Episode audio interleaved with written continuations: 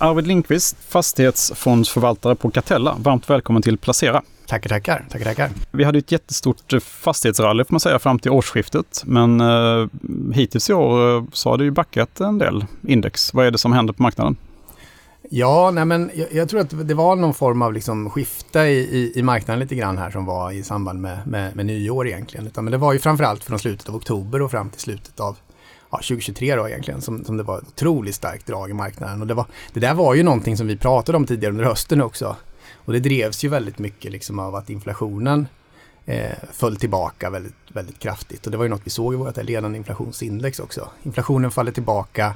Eh, man såg eh, liksom inte bara det svenska indexet utan det här var ju liksom en global trend också. Att både i USA och Europa så föll inflationen ner väldigt, väldigt snabbt. Drevs ju liksom det drevs ju egentligen av, av eh, den här eh, balansräkningsrecessionen och deflationen från Kina man försöker stimulera genom export och trycker ner, liksom, tryck, trycker ner eh, liksom inflationen runt om i hela världen otroligt kraftfullt. Och, och, och drevs väl också av liksom att, att de störningar i supplykedjor som man har haft efter corona börjar lösa upp sig. Och, och även i USA som man har haft väldigt snabb, eller kraftfull produktivitetstillväxt på sista tiden också tryckt ner liksom inflationen. Och allt det där sammantaget ja, tryckte ner inflationen och gjorde att marknaden börjar eh, eh ändra sig under hösten här avseende hur många och hur snabbt och hur kraftfulla räntesänkningarna ska. Och, och i takt med det där skedde så, så um, fick vi det här rallet egentligen, och vilket var helt i linje med vår den här framåtblickande modellen. Så vi var ju men rallyt var lite för kraftigt då, kan man säga? Eh, nej, det skulle jag inte, nej, det skulle jag inte säga.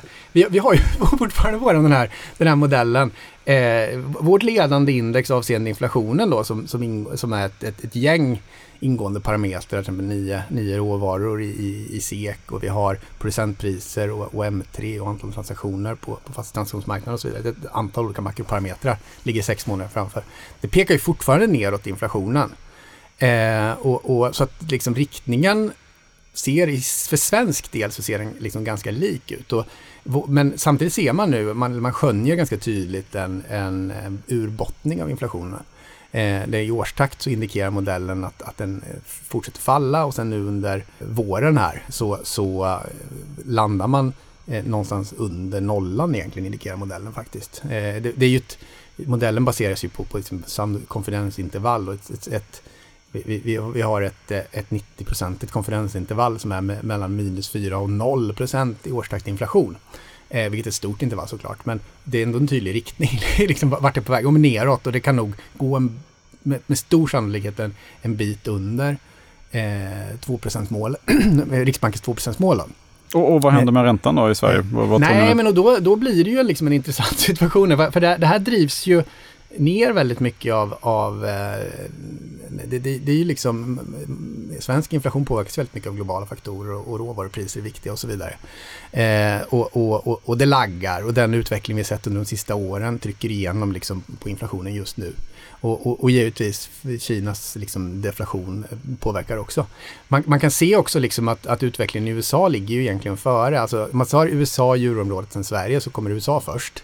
Och där under de sista månaderna har man sett tecken på faktiskt att inflationen har börjat stabiliseras.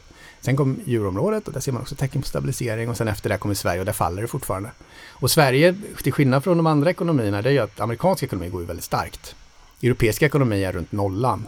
Svensk ekonomi är recession på minus. Och så svensk ekonomi har ju, har ju drabbats av en, av en liksom djupare recession än Europa. Och, och, i USA har vi inte sett någon recession alls.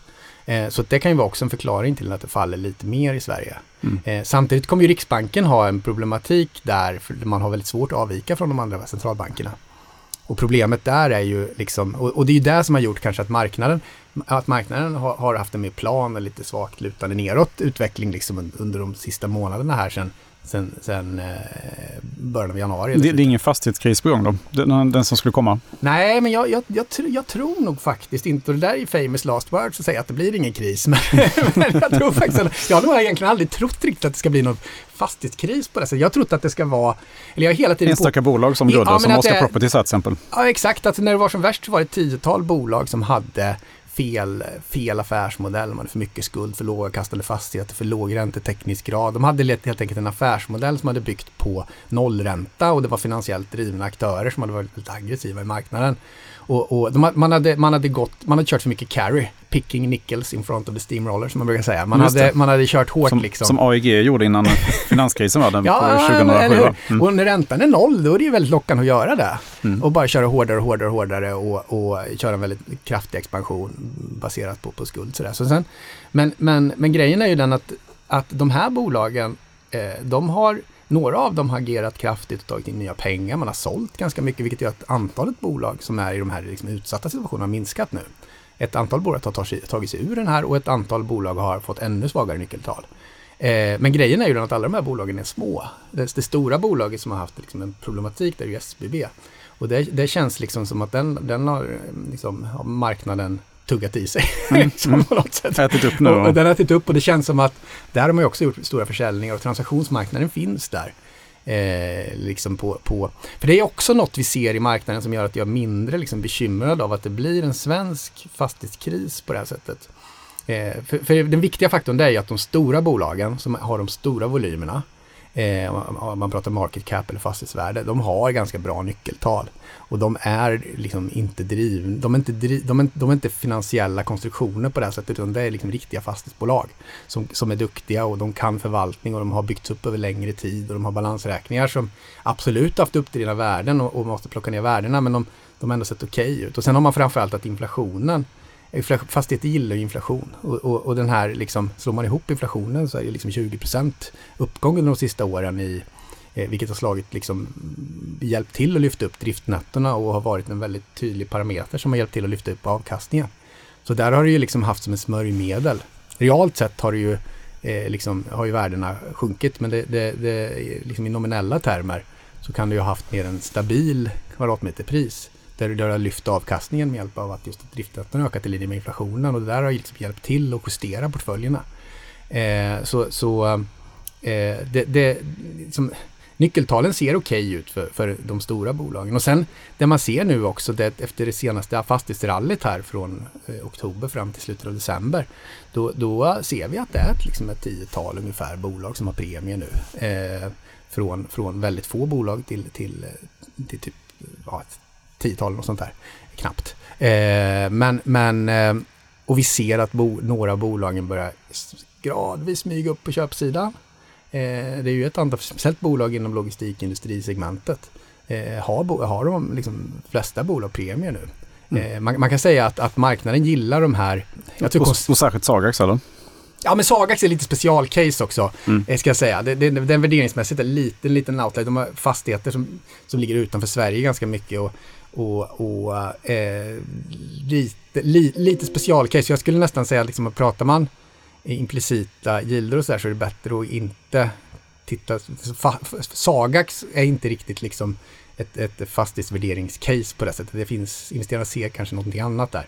Utan det, det, men pratar man om andra bolagen som, som är inriktade på, på logistikindustrisegmentet så har de också eh, mm. liksom premier nu. Catena då till ja, ja, men precis. Catena, MP3 och så vidare. Mm. Eh, och, och, eh, och, och, och, liksom har gått starkt. Och, och där, där eh, eh nej men det, man ser väldigt tydligt att den här eh, implicita yielden om man tittar på, liksom, om man jämför genomsnittlig avkastningskrav i relation med börsens eh, prissättning på, på den implicita börsgilden eh, då, så ser man tydligt att det är de här lite mer högavkastande segmenten som har mottagits väldigt bra och logistikindustrisegmentet har ju performat väldigt bra de sista åren.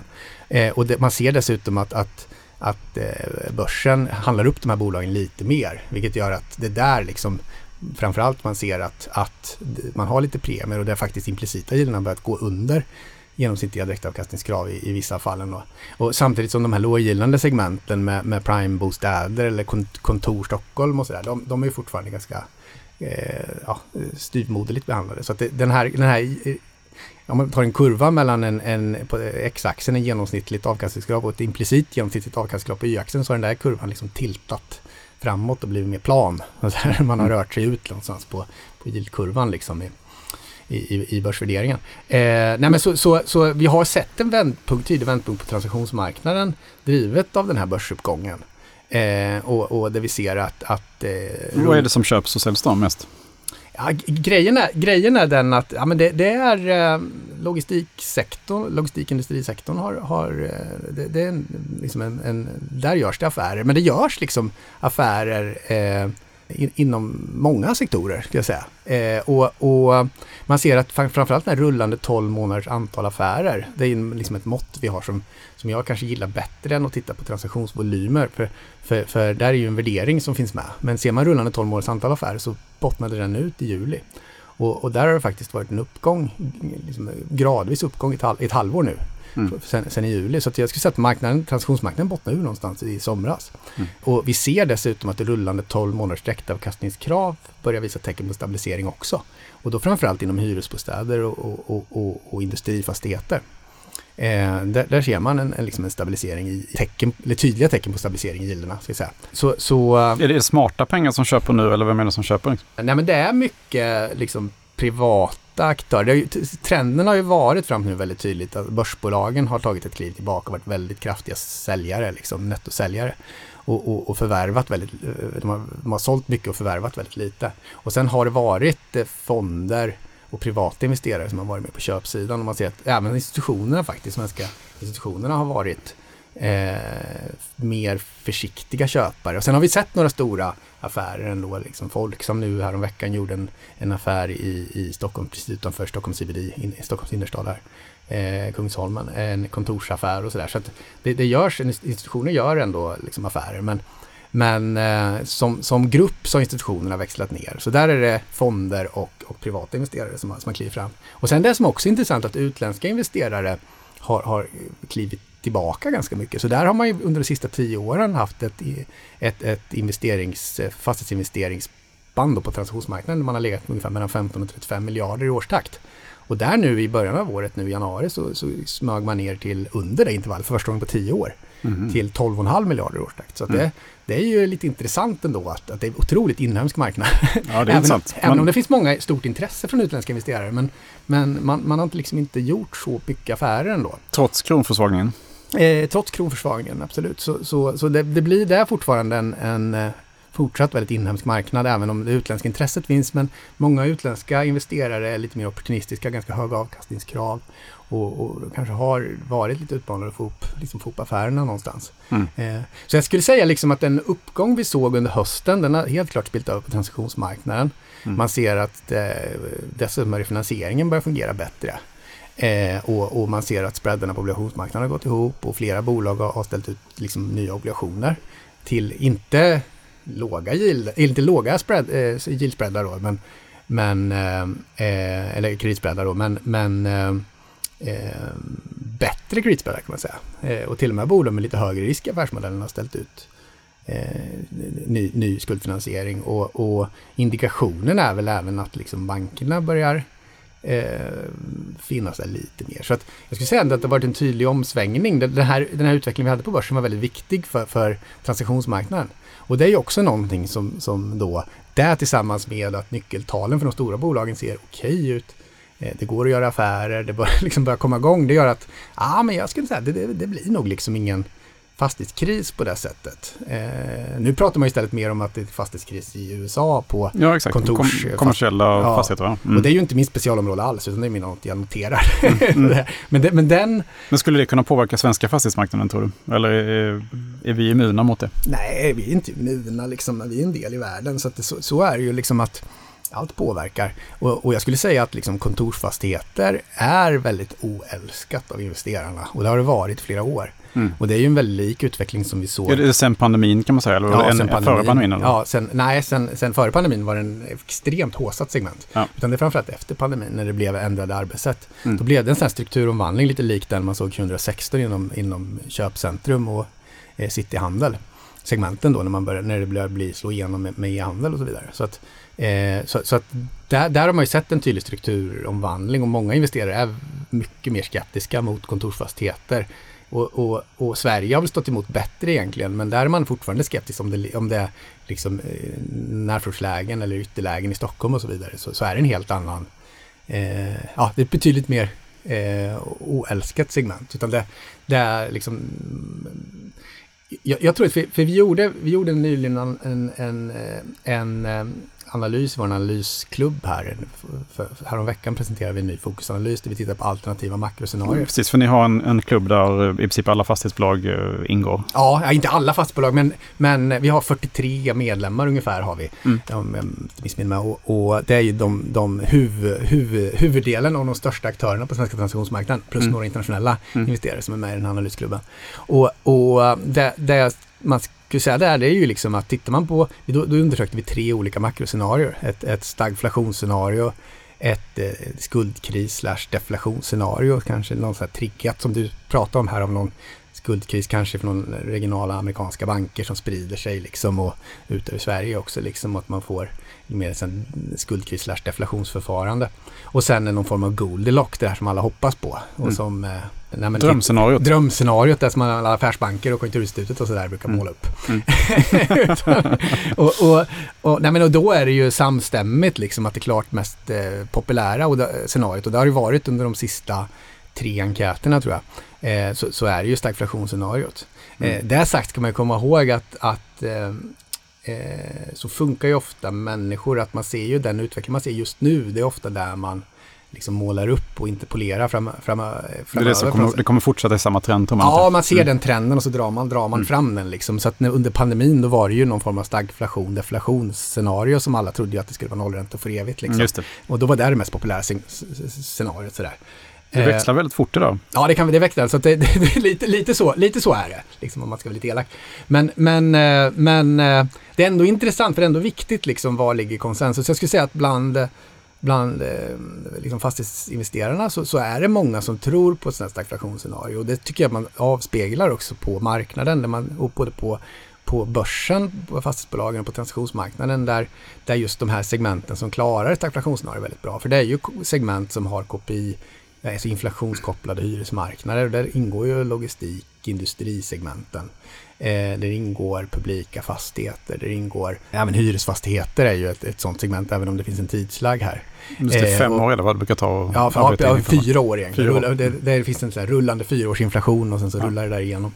Eh, och, och, även, även liksom någonstans, liksom, tittar du kontor eller mycket kommersiell fastigheter ute i landet utanför Stockholm egentligen, eller mm. om man tar utanför Stockholm, Göteborg, Malmö, så, så är det väldigt KPI-kopplat eh, eh, liksom, hyresintäkter också. Man har lite lägre hyror, det taktar på liksom. Och de där segmenten, om man dessutom har lite högre yield-nivåer, då blir man, eh, för det första blir det väldigt stabilt i olika, man, eh, man, man, har ungefär samma avkastning i de olika, det är, det slår inte så mycket med olika scenarier. För att har du ett, har ett stagflationsscenario så får du en bättre hyresutveckling som lirar med, med det stagflationsscenario som vi målar upp kanske, det är ett, ett, ett scenario med återkommande utbudschocker, vilket är då en svag tillväxt, men du ändå har problem med, med en volatil och hög inflation. Det är ungefär det, det vi har haft då också, kan man säga. Ja, det har vi haft egentligen, att det mm. spelar vidare, att man har den här krigscykeln vi har med oro och, och, och där vi ser att, att eh, leverans, problem med leveranskedjor och, och, och shipping lanes eh, osäkerhet, vilket gör liksom det vi ser i Röda havet nu. Mm. Eh, det vi ser att kanske USA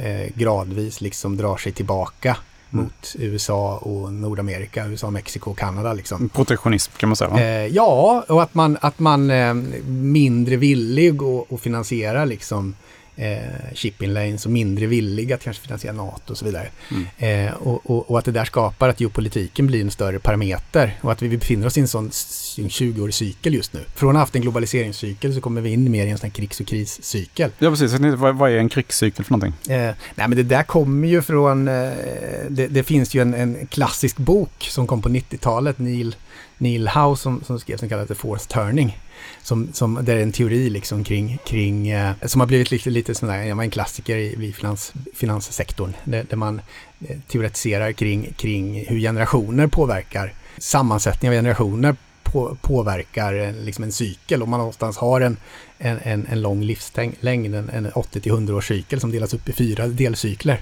Och att vi nu liksom från eh, någonstans från finanskrisen och framåt har rört oss in i den här fjärde cykeln. Eh, som då är en kriscykel. Och det känns ju som att det här var något man skrev på 90-talet. Man skrev en uppföljande bok här om året. Mm. Eh, men men eh, ganska intressanta böcker. Och, och någonstans så, det, det, det, känns inte helt främmande den här, det här resonemanget om att, att när, tittar man över, över liksom tusen år så, så har det tenderat att vara stora konflikter var 80 till 100 år.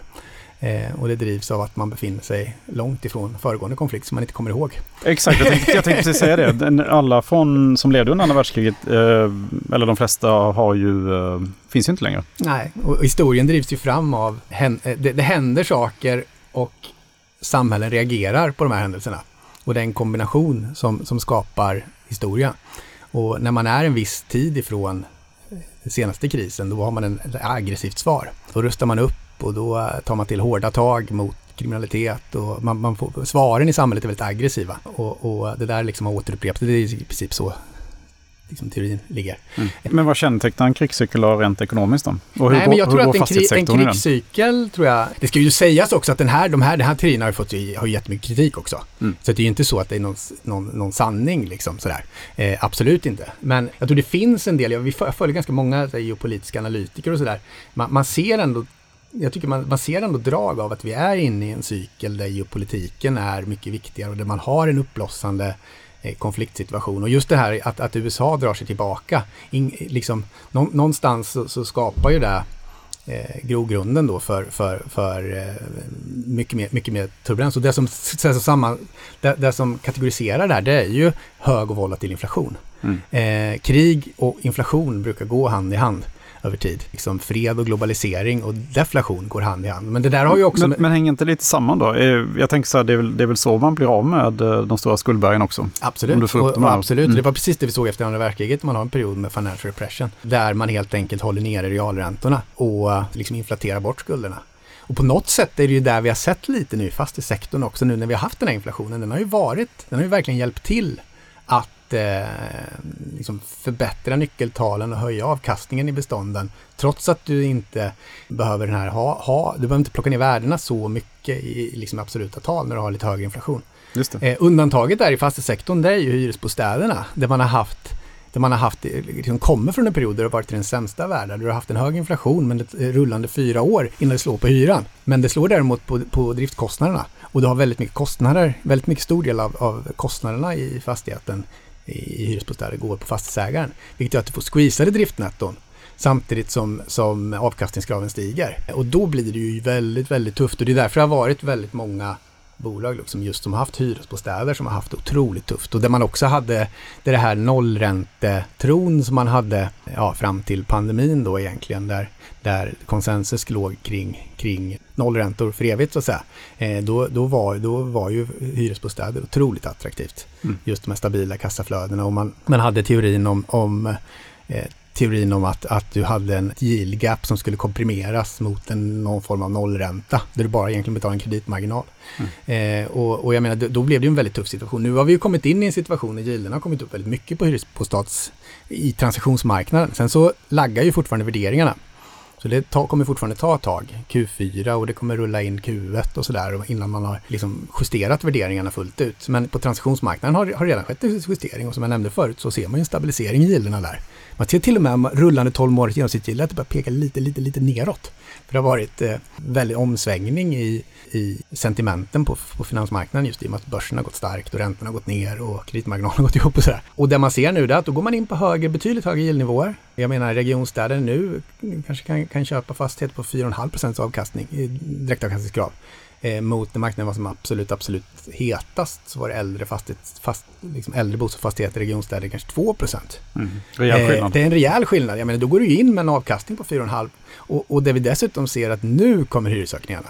Mm. Eh, nu börjar man eh, rapportera liksom hyresökningar, in, inte på 15 procent som man vill ha, men på 5 procent. Och jag menar, kan du takta på ett antal år och ta ifatt mm. i hyresförhandlingarna där det ligger runt 5 procent, nej, men då är det ganska bra segment. Mm. Eh, så att hyresbostäder, de visar, de visar eh, prov nu liksom på... Det är turnaround kan man säga. Ja, ja absolut. Så att, så att eh, hyresbostäder är inte tokigt alls nu. Och sen så har man ju de här just, men det har ju marknaden sett också, in, liksom industri, eh, mixkommersiell, eh, big box, bra big box-handel, dagligvaruhandel, där det är lite högre direktavkastningskrav. Och de har ju även, även där har ju direktavkastningskraven kommit upp. Eh, och, och, och, och sen att du har den här eh, driftnettot. Det du har i de här, segment, de här kommersiella segmenten dock, det är ju att du har en vakansrisk. Den har du ju inte i hyresbostäder, för det som dessutom stärker upp hyresbostäder det är att nyproduktionen av bostäder har kollapsat. Det finns, precis, det byggs ingenting Nej. Så, så länge du är en hyfsat stark kommun, där är ju problemet nu också med att vi, har, vi står inför en demografisk kollaps också Mm. i, i Sverige där mindre städer nu har, har liksom boomer-generationen, 40-talisterna. Eh, Nu, nu börjar man komma upp i åldern så pass att man börjar falla ifrån. Eh, så att nu har man faktiskt eh, mindre kommuner står inför en, otroligt tuff demografisk utveckling. Och utvecklingen från att ha varit liksom sluttande neråt under de sista 20 åren så kommer man ut i stupet liksom. Eh, så, så att det, det gäller ju att vara i, i rätt kommuner då.